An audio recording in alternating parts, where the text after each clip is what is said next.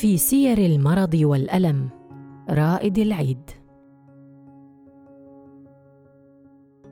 الألم توأم الحياة. كلنا حقائب تملأها الحياة بالآلام والراحة في عدد الثقوب التي يمكننا فتحها في حقائبنا ليتدفق منها الألم والحزن بعيدا. الألم لا يوصف فقط يعاش ولا يوجد أكثر إرهاقا من شرح المعاناة. لا يمكن مشاركته مع الآخرين بنفس الكفاءة فأحاسيس سطحية تلك التي يدركها غير المريض عن المريض ولو جلس بجوار المريض مئة عام. فالشخص الآخر لا يمكن أن يحس بآلامي كما يقول فيلسوف القرن العشرين فتيغنشتاين مهما قال لك شخص إنه يتألم ومهما حاولت تفهم حاله فلن تدرك ما يعنيه إن لم تكن قد عانيت ألما مثل ألمه. فالمرض عصي على التمثل. في خارج النافذة بقليل يقول حيدر قحطان على لسان نحات إيراني أربعون سنة وأنا أصنع اشكالا مختلفة. لم يصعب علي أي شيء ابدا. عدا الألم. إلى الآن لم أستطع تحديد شكل معين له. الألم صرخة في وجه الفصل المتعسف بين الروح والجسد ورفض للتوضيب السوريالي بينهما. فالألم ليس مجرد خلل عضوي بل مزج بين الجسد والمعنى ومواجهة حدث جسدي مع عوالم المعاني والقيم. والقراءة في سير الألم درس بليغ في كيفية التعامل مع أحزاننا وآلامنا. وخطوة أولى لمحاولة التعاطف مع الآخرين في آلامهم. فليس الأمر على إطلاق قول البشير الإبراهيمي من لم يحس بالألم لم يحسن إلى المتألمين. وخطوة مهمة جدا لتقدير الصحة والعافية التي نرفل بها وتذكير دائم بحق شكر الله عليها. خمسة وعشرون عاما قضاها أخي أكرم في قمة النشاط والعمل بمجالات متعددة. حتى صار لاعبا للمنتخب الوطني لألعاب القوى والمغامرة في إحدى البطولات الخليجية. شارك أخي في إحدى ألعاب التحمل التي تتطلب القفز والدخول في وسط دائرة حديدية مشتعلة والخروج منها لكن رجله علقت في الدائرة الثالثة وسقط على رأسه. فتوسد الأرض مشلولا شللا رباعيا لا يحرك إلا رأسه. دخل أخي رحلة علاج طبيعي طويلة بعد أن أبلغه الأطباء أن الطب الحديث لم يصل بعد لعلاج حالته وأن خياره الوحيد هو العلاج الطبيعي والذي أعاد له بعد سنتين بعض الحركة اليسيرة في يديه. مكنته من قيادة العربة المتحركة. خرج من المستشفى وقد ابتكر طريقة الرسم بالرأس وهو الذي لم يكن يرسم سوى خربشات في حصص الرسم المدرسية. فرسم لوحات كثيرة وأقام معارض فنية وأهدى لوحته إلى الملك سلمان عندما افتتح أحد المعارض التي شارك فيها. رفض أكرم القعود في السرير والخمول والانطواء على الذات بل أصر على فتح مشاريع تجارية رغم معارضة الكثيرين له وأدار وهو على كرسيه أكثر من خمسين موظفا وموظفة. لم أره يوما وقد تمكن منه اليأس رغم تغلغله في جل من حوله إلا أنه بات الشخص الذي يثير التفاؤل والنشاط في الخاملين معنويا المعافين جسديا. كنت أتهرب من قراءة سير المرض والألم لكن رأيت أن على الروح أن تحتمي بنضال أصحابها وكفاحهم وتستذكرها حين تعصف بها رياح الأمراض والمصائب.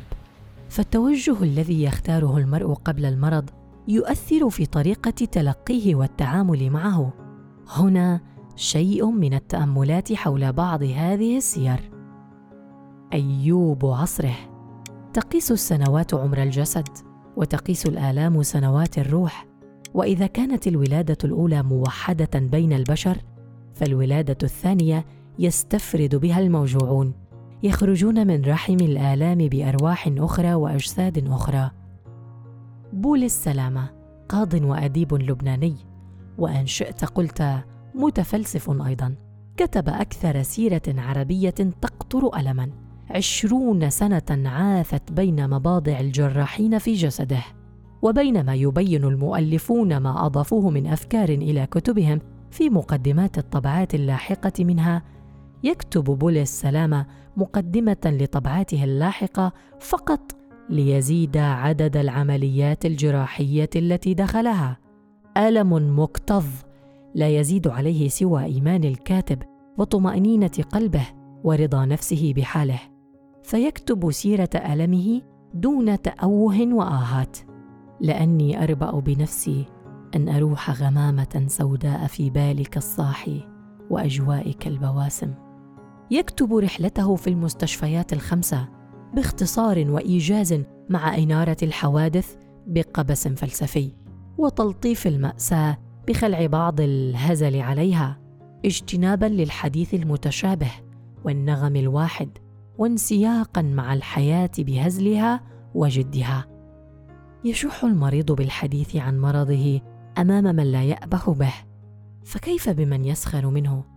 وهذا ما دفع بوليس لتمني ألا يقع كتابه في يد غني بطر أو لئيم أشر أو حديث نعمة رين على بصيرته أو موظف سيج على قلبه بالبذخ والكبرياء لأن هؤلاء يتخذون من آلامه هزءا وفكاهة وينظرون إلى الأشقياء من علو ويتوجه بكتابه هذا إلى القراء عموما والمرضى والمتألمين خصوصا.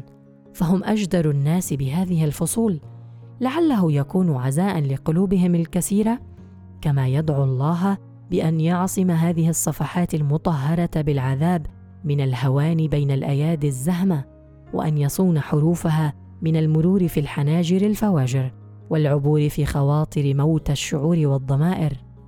تتناوب فصول الكتاب بين أخبار زياراته للمستشفيات وقصصه مع الأطباء والممرضات وتأملات فلسفية عن مواضيع لها علاقة بما يتحدث عنه مع وعيه بأن طريقته هذه على غير عادة السير الذاتية المقصورة عادة على حياة المؤلف بعيدا عن التنظير في المواضيع العلمية إلا أنه آثر إدارة الحديث بين العام والخاص والفردية والإطلاق ليخرج القارئ من الكتاب وفي نفسه عبرة لمعتبر. وعزاء لأسيان مطلعا على مشكلات الحياة ومعانيها. بعد تصدير الكتاب بدأ الفصول بمقدمة في الألم بعدها من أمهات المشكلات الكونية وقد تكون سببا في فقدان الإيمان إذ هي ملازمة لوالدتها مشكلة الشر التي أرقت الفلاسفة والعلماء. فرأى أن الأولى من قول ديكارت أنا أفكر إذا أنا موجود. أن يقال أنا أتألم إذا أنا موجود. يدافع في هذا الفصل عن إيمان كبار الفلاسفة بعدما اتهموا بالإلحاد والكفر ويرى إجماعهم على الاعتقاد بخالق وإن اختلفوا في الكيفية وتنازعوا في التفاصيل. وما همه من ذلك سوى تصحيح تصورات القراء وتوجيههم إلى الركن الأوحد لهذا الكون وهو الله. حينئذ لا يكون مدار الكتاب رجلا تألم بل رجلا يحب أن ينتفع الناس بآلامه متطلعين معه إلى دنيا الحق. الألم سؤال المعنى الأكبر. في قصة موت إيفان إليش لتولستوي تحضر إحدى الشخصيات مصابة بمرض عنيد.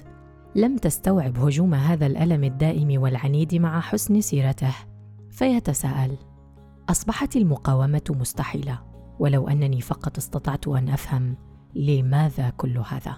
فحتى الجواب بات متعذرا. كان من الممكن أن نشرح الألم لو أني لم أعش كما يجب. لكن وما دام الأمر غير ذلك فهذا غير مقبول. كانت هذه الأفكار تخالجه وهو يتذكر شرعية الاستقامة وأدب حياته. هكذا يبقى الألم مذكرا بالهشاشة المعنوية للإنسان وضرورة الاعتماد على الإجابات المتعالية على التفكير البشري القاصر المفترض أحقيته بحياة سليمة ورفاهية دائمة. تدل القصة على عقلية الإنسان المترسخة حتى في الوقت المعاصر والتي تفترض أن الألم هو مصير العصيان والفسوق. والإحساس بالظلم المرافق للألم عند من يرى في نفسه سلامة السيرة والسريرة وكأن الآخرين أولى بمصابه منه. يؤكد بولي السلام في فصل مشكلة الألم أن في جملة النواميس الطبيعية رد الفعل فالإغراق في الضحك يسيل الدموع وكذلك الإغراق في التفاؤل يثير المبالغة في التشاؤم. وأن الألم واقع لا ريب فيه. ومن أنكره فقد أنكر الشمس في الظهيرة. كما أن أفضل الحلول لعقدة الألم هي فكرة الصبر والإذعان وفكرة التضحية والحب. أطلق على نفسه أيوب العصر الحديث عاقدا مقارنة بين ما حل بنبي الله أيوب وما أصابه من بأس ونصب. وكيف كانت معاناته أكبر. أما أنا يا أيوب وبعد أربع عشرة سنة لقيت فيها الموت ألف مرة وذقت فيها من العذاب ما لو سمعت به أذنك. لندت عن رأسك هلعا ولمادت بك جبال حوران فزعا. وأرى أن بول السلامة يتشارك مع الشاعر الفرنسي هنري ميشو الذي يصف نفسه رياضي الآلام بقوله لا يريد الألم إلا أن يكون جزءا مني. يقتلني ويتمدد في.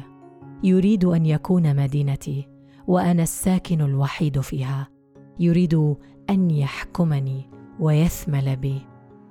قدر بولس أن جاء في عصر لم يبلغ فيه الطب مبلغا عاليا فاستعصى عليهم اكتشاف مرضه وأصبح عرضة لتجريب الأدوية واستراتيجيات العلاج حتى بلغ بهم الحال أن وضعوا الدود في جسده املا في أن يقضي على المحترئ من اللحم والعظم مهتديا بالغريزة إلى مرعاه. وبعدما يسمن ويكبر يستحيل إلى حشرة تطير بجناحين. وعاصر اكتشاف البنسلين ودفع ما يقدر عليه من أموال باهظة للحصول على بضع حقن لكنها لم تجد نفعا واستزاد على نفقة بعض المتبرعين حتى وصل مجموع الحقن ليس من البنسلين وحده التي غزت في جسده يربي على عشرة آلاف إبرة. فكان خير مثال على بيت المعري رب قبر قد سار قبرا مرارا ضاحك من تزاحم الأضداد. وعادت الإبرة إلى مغرزها الأول مئات المرات. ودع سلامه صفو العيش وهو ابن الرابعة والثلاثين. قاضي تحقيق في طرابلس بلبنان نظير الشباب فياض العافية. صليب العضل مشبوب الفتوة. ولكن الضربة كانت أقوى من كل هذا. دخل الألم خفية في يوم حار على جسد رطب من هواء شباك مكسور. فبدأت الحمى التي ألزمته الفراش شهرين كأنها عامان واستمرت الأوجاع مع عجز الأطباء عن القبض على أسبابها وتزايدت الفحوصات وصور الأشعة التي لو جمعت لضاهت بعددها رسوم أكبر المشاهير. أنس السرد والكتابة. بعد رحلة طويلة في العمل مع الشباب والترحال بين البلدان في سبيل استقطاب أبرز الممارسات في رعايتهم ولتحقيق أعلى المعايير في تقديم البرامج المناسبة لهذه الفئة انتهى به الحال طريح الفراش مشلول الأركان في مستشفى اوكسفورد يحارب المرض بتسجيل رحلته في جهاز تسجيل ليفرغه بعد ذلك صديق له في كتاب يهز الوجدان بعنوان النيل يجري في دمي وبعنوان فرعي ذكريات إنسان يتحدى المرض. بحثت كثيرا حتى اهتديت لمعلومات عنه فتشابه اسمه مع موسيقار من بلده حرمه من تدوين سيرته في مواقع المعلومات وصراعه مع الأدباء واختلافاته مع السياسيين كانت سببا في تغييب اسمه عن الساحة الثقافية. وكأن ابتعاده البدني أواخر حياته إلى بريطانيا كفيل بإبعاده عن الذاكرة الاجتماعية. كاتب مصري سطر العديد من التقارير والمقالات الصحفية، بل وأبدع عددا من الروايات والمسرحيات حققت نجاحات باهرة على أرض المسرح المصري، وتقلد مناصب سياسية رفيعة في عهد عبد الناصر أين هو الآن؟ أسعفتني مكتبات الأوزبكية التي له معها رحلة طويلة في التعرف على سيرته بعدما وجدتها في إحدى زواياها ويقابل نكران العرب لأدبائهم اعتراف السربون بسيرته هذه وترجمتها إلى الفرنسية بل هو إقرارها لطلابها بينما لم أجد من كتب عنه في مجلة أو صحيفة مرموقة الكاتب هو فتحي سلامة. تلميذ طه حسين وسهير القلماوي. رفيق يوسف إدريس وحبيب توفيق الحكيم. وأستاذ عدد من الأدباء الذين برزوا من فعالياته الشبابية التي كان يرأسها. يحكي رحلة ألمه وتموجات النيل في دمه. وصرخات الأطباء له بضرورة استمراره في محاربة المرض بطريقة بديعة ينتقل فيها بين أزمان وأماكن في انسيابيه وإتقان.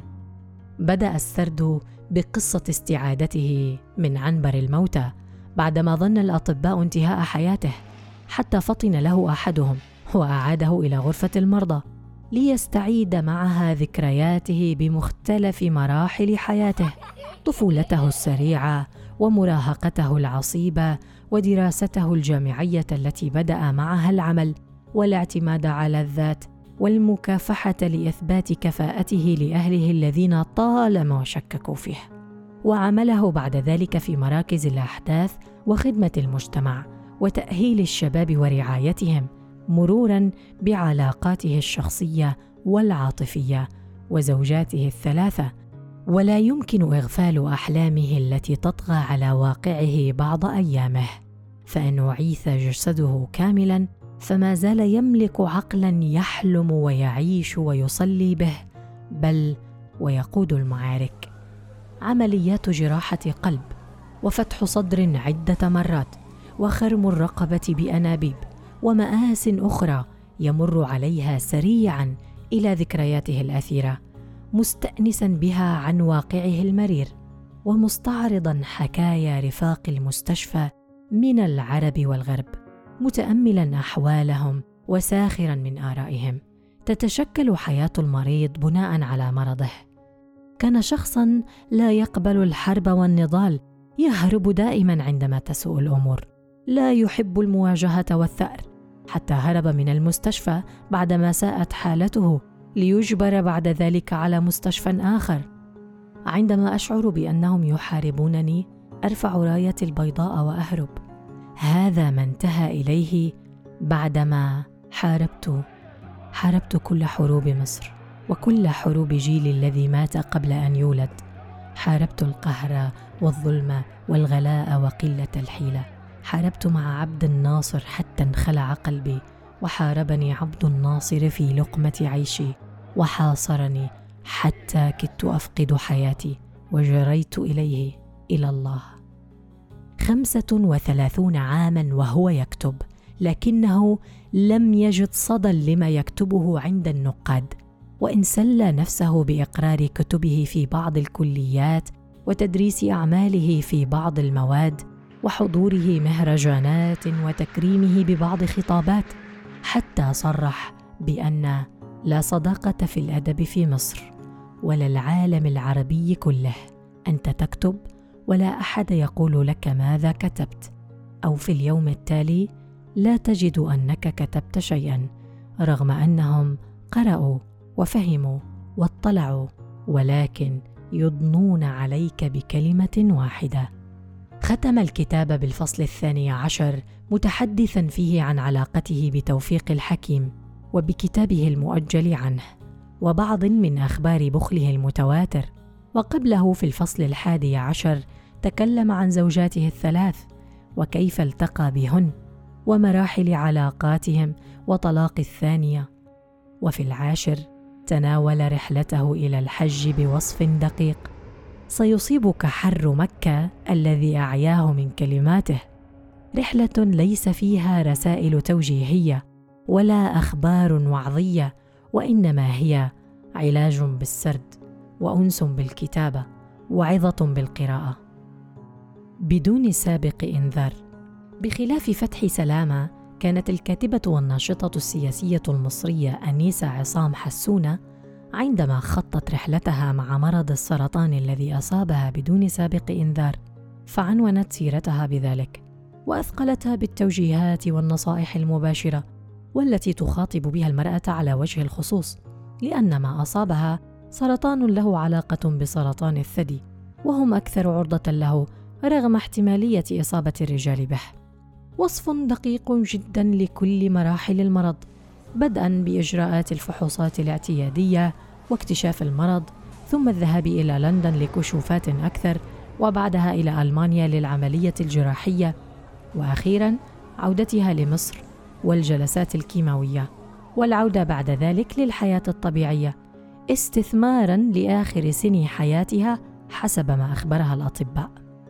بدأت الكتاب بما تعتقد أنه سبب في إصابتها بالسرطان فبعد إلقائها خطاب تعيينها في مجلس النواب من قبل عبد الفتاح السيسي طالبها بالاستقالة مجلس إدارة جمعيتها التي أسستها وعملت على نهضتها منذ اللبنة الأولى وكأن طلبهم سكين حاد نفذ في صدرها فجأة على غير انتظار ليستقر في أعماق قلبها. مسببا الما جسديا بالغا لم يبرأ. نصحها الطبيب عند اكتشاف حالتها بأن تقابل بعض السيدات اللاتي أصبن بالمرض واستطعن مواجهته لتتعرف على قصصهن ونجاحهن في هزيمة المرض لكنها ابتسمت ابتسامة لا لون لها تدل على أنني لست على استعداد في هذه المرحلة من الصدمة. أن أستمع لمآسي الأخريات وتجاربهن الصعبه ورحلة مرضهن. وأنا ما زلت لا أصدق ما حدث لي شخصيا. كانت مدمرة في بدايات المرض على الصعيد النفسي متنكرة للاعتراف به. تأمل أن تكون في خدعة أو حلم وهذا ما جعلها تهرب من عبارات التشجيع التي تمطر عليها من كل أحد ومطالبتها المستمرة بالابتسام والتفاؤل والقوة. فتهرب منهم لتنطوي على نفسها تواجه مشاعرها المختنقة على انفراد خشية من الانهيار أمام الأصدقاء والأولاد. بعدما كانت ملء السمع والعين تستقبل التهاني والتبريكات لنجاحاتها المتتالية. خرجت للعالم وفي ذهنها سؤال ألن يختلف شيء في العالم بسبب هذا التغير الجذري الذي أصابها؟ تتلفت تنتظر اطمئنان الناس عليها وسؤالها عن أحوال الزائر الثقيل الذي حل عليها. وترجع هذا إلى التفكير إلى اعتقادنا أننا محور الحياة وأنها لن تستمر من دون وجودنا فيها. والحقيقة الصادمة أن الحياة لا تتوقف عندنا أو عند أي شخص آخر. منذ اللحظة الأولى لإصابتها كان زوجها يؤكد يقينه بشفائها وتغلبها على المرض ويحرضها على كتابة رحلتها معه لتخرج في كتاب حول التغلب عليه. كانت تتعجب من ثقته المفرطة رغم المستقبل المجهول وأوفت بما طلب فخرج الكتاب جرعة أمل وتصبر على السرطان. وبدأت كتابة سيرتها استجابة لأحبائها في سرد معركتها بل معركتهم جميعا مع هذا المرض. وكلما تقدمت في الكتابة أصبحت المسألة أصعب لأنها تستدعي الذكريات القاسية المؤلمة لمراحل المرض المختلفة التي تحاول تخزينها في مجاهل الذاكرة أو أحد أدراجها المنسية. وكان الدرس الذي تعلمته خلال تلك الأيام الأولى من مجابهة حقيقة مرضي هو أنها نعمة كبيرة من الله سبحانه وتعالى. أن تكون محاطا بأحبائك من عائلتك وأصدقائك الذين يدعمونك معنويا فتعتمد عليهم وعلى وجودهم الثمين إلى جانبك وأن ترمي حمولك على الرحمن القادر على كل شيء وأن تتقبل المكتوب لأنه لا فكاك منه وأن تتذكر أنك ما زلت قادرا على الاستمتاع بلحظات البهجة. مع عائلتك المحبة. فلا تهدر هذه اللحظات الثمينة مهما حدث. المرض يجبر المريض على النظر إلى الداخل أكثر مما كان ينظر إلى الخارج. فيتأمل مشاعره ويتحسس دوافعه وينتبه لجسده. فأنت أحيانا عندما تصاب بمثل هذا المرض الخطير يساورك شعور غريب وكأنك شخص آخر منفصل عن الآخرين. ويساورك إحساس غير مفهوم بالخجل من مرضك وكأنه ذنب قد ارتكبته في حق نفسك. وتخشى في داخلك أن يعاملك الناس وكأنك فارقت الحياة فعلا ولم يعد لك دور فيها أو يشفق عليك بطريقة تؤلمك كأنك قد أصبحت شخصا ناقص الأهلية. المرض يعيد جدولة أولوياتك ويجبرك على الإجابة عن أسئلتك. ولا شك أن أهم الدروس المستفادة من هذه القصة المؤلمة والتجربة العسيرة أنها تجعلك أكثر ادراكا لنعم الحياة التي تحيط بك والتي كنت دائما تأخذها كأمور مسلم بها ثم تكتشف فجأة أن هناك الكثير مما تود قوله لمن حولك أو ترغب بإنجازه خلال حياتك ولكنك ظللت تؤجله يوما بعد الآخر ظنا أنك ستعيش إلى الأبد وأن هناك كثيرا من الوقت لإنجاز كل ما كان عليك الاهتمام به قبل ذلك. ولكن في مواجهة هذا المرض الشرس تدرك فجأة أن لكل يوم بل لكل لحظة قيمة كبيرة يجب استغلالها والاستمتاع بها وشكر الله عليها كما أنك تبدأ في التفكير جديا في اعاده ترتيب أولوياتك ويصبح قضاء مزيد من الوقت مع أحبائك أكثر أهمية وأولوية من أي شيء آخر. فهذه هي اللحظات التي لن تعوض والتي لها قيمة في الحياة في نهاية الأمر. أما غيرها فهامشي إلى درجة كبيرة. أيام قليلة قضتها في لندن للفحوصات. وكانت تؤمل أن تكون أيامها في ألمانيا كذلك لكنها امتدت إلى 42 يوما وبدلا من رحلة سهلة مع الألم فقد أصيبت بكل التعقيدات والأعراض الجانبية حتى عادت إلى مصر بعد رحلة هي الأسوأ في حياتها لما واجهته من إحراج وتعب بالقيء على نفسها بالطائرة أكثر من مرة وبعد المرحلة الثانية من العلاج الكيماوي شجعها طبيبها على العودة لحياتها الطبيعية وحضورها أنشطة مجلس النواب فسقطت على الدرج في أول زيارة لها بعد المرض فعادت للمنزل كثيرة الخاطر. بعدما كانت القادرة على إدارة حياتها المعتمدة على نفسها لا تقوى على صعود خطوات درج يسيرة. احتاجت وقتا طويلا حتى تقوى على خلع الباروكة ومواجهة شكلها الجديد وشعرها القصير بعد العلاج الكيماوي وكم شعرت بالامتنان لمن زارتهم أول مرة بهيئتها الجديدة فكانوا غاية في التهذيب دون التطرق صراحة لحقيقة مرضها. وكأن هناك اتفاقا ضمنيا بيننا مفاده أننا نفهم ما أصابك ولكن لا نريد جرح مشاعرك. أو الإثقال عليك بالسؤال عن التفاصيل. ختمت الكتاب بأمر الحب داعية كل قارئ للتعبير عن مشاعره لأحبابه قبل أن يداهمه الموت أو تفوت الفرص متأثرة بكتاب الممرضة الأسترالية التي وثقت أسئلتها لكبار السن من المرضى الذين كانوا في المستشفى الذي تعمل به. وأطلقت على كتابها الندم وأول ما ندموا عليه عدم امتلاكهم للشجاعة التي تمكنهم من التعبير عن مشاعرهم في الوقت المناسب. لذلك أرجو الا تؤجلوا إلى الغد إخبار من حولكم بمشاعركم المتدفقة تجاههم. فالأيام غير مضمونة واليوم الذي يمر لا يعوض بل إن اللحظة لا تتكرر مرة أخرى. كما تنصح الجميع بالتمسك بالأحلام الشخصية حتى وإن بدت بعيدة المنال فالتمسك بالأحلام الجميلة يعطينا دفعة للأمام وطاقة إيجابية تجعل الحياة أكثر اشراقا وجمالا. جمال هذا الكتاب بنظر كاتبته كما تقول يكمن في لفت الأنظار إلى تعلم دروس المرض العضال والشيخوخة في سن الشباب وقبل وصولك لمرحلة تعجزين فيها عن تعويض ما فات من حياتك. هبة الألم.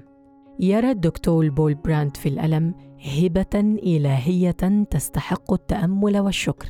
فبعدما رأى في طفولته التي قضاها في الهند برفقة والديه آثار فقدان الألم ومضاعفاته السلبية على الإنسان أدرك أن الجسد بحاجة للألم حتى يستطيع المحافظة على صحته ويشبهه بالمحامي الصارخ في وجه الاعتداءات على الجسد.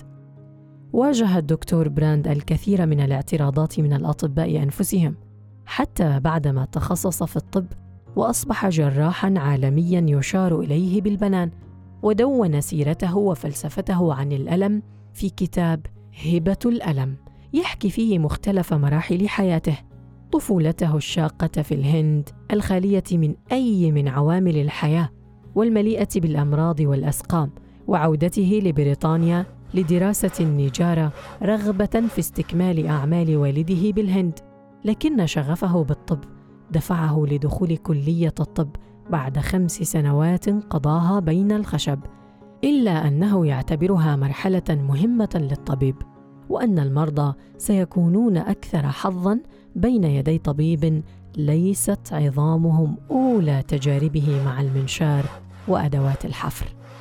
حديث السير السابقة كان أنين المرضى.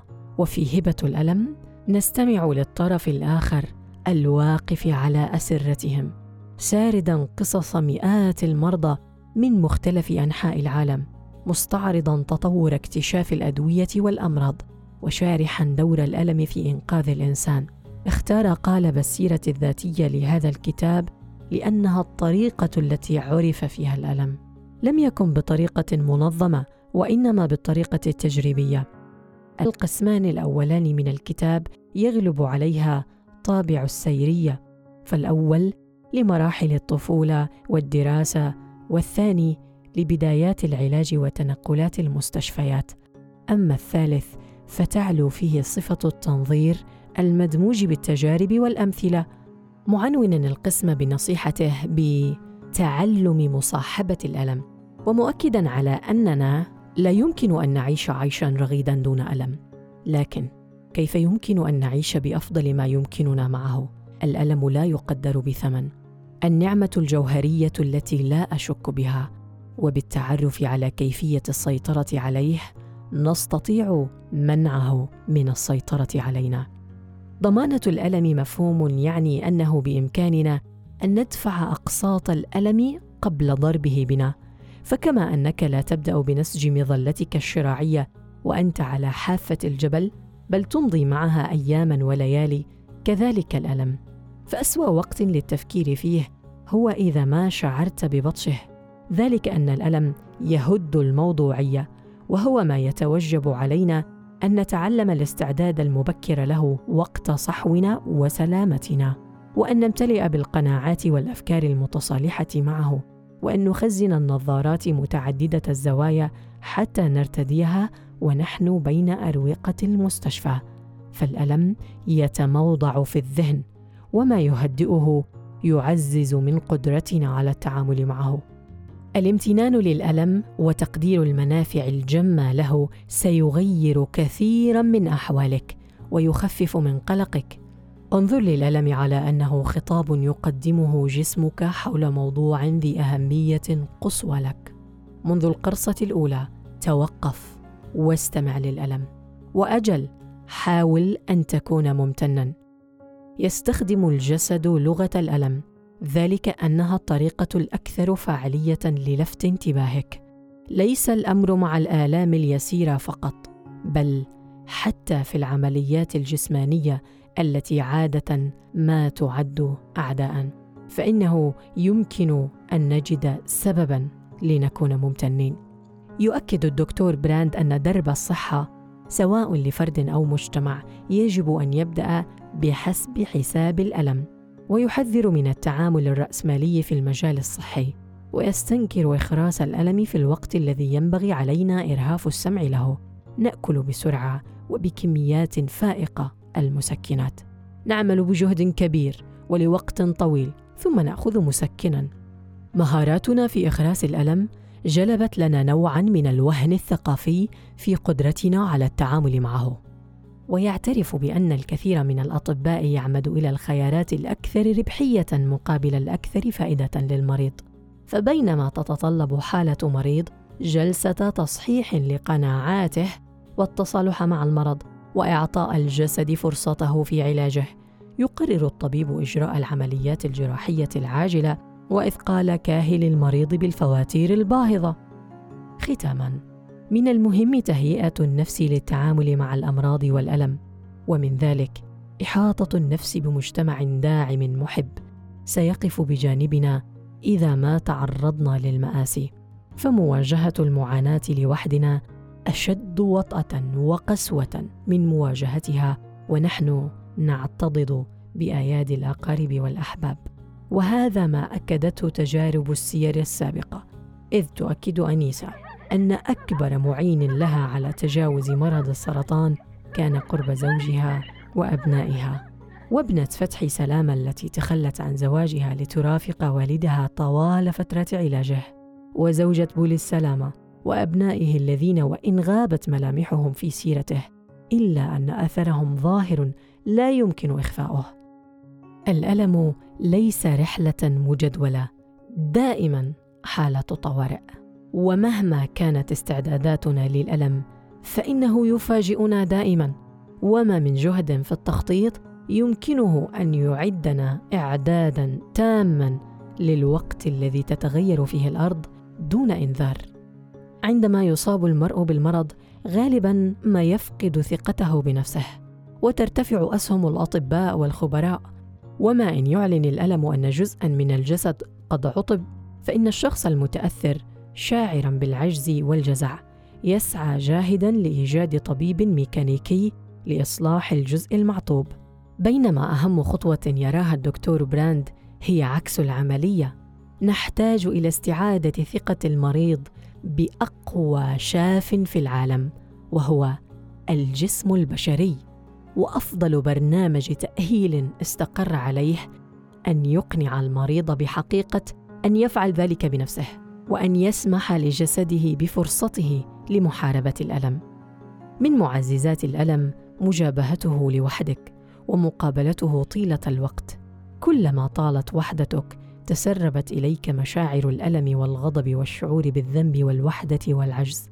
وهو ما دفع الدكتور براند للمطالبة بالردهات المفتوحة في المستشفيات وجلسات العلاج الجماعية وتقليل الغرف الفردية. فمشاركة الألم جزء من العلاج. ووجود شخص يقدم الرعاية والاهتمام يحدث اثرا حقيقيا على الألم والتعافي. فأشد ما الم إيفان إليش. هو أنه ما من أحد ليرثيه كما يريد أن يرثى. كما قال تولستوي في روايته موت إيفان إليش.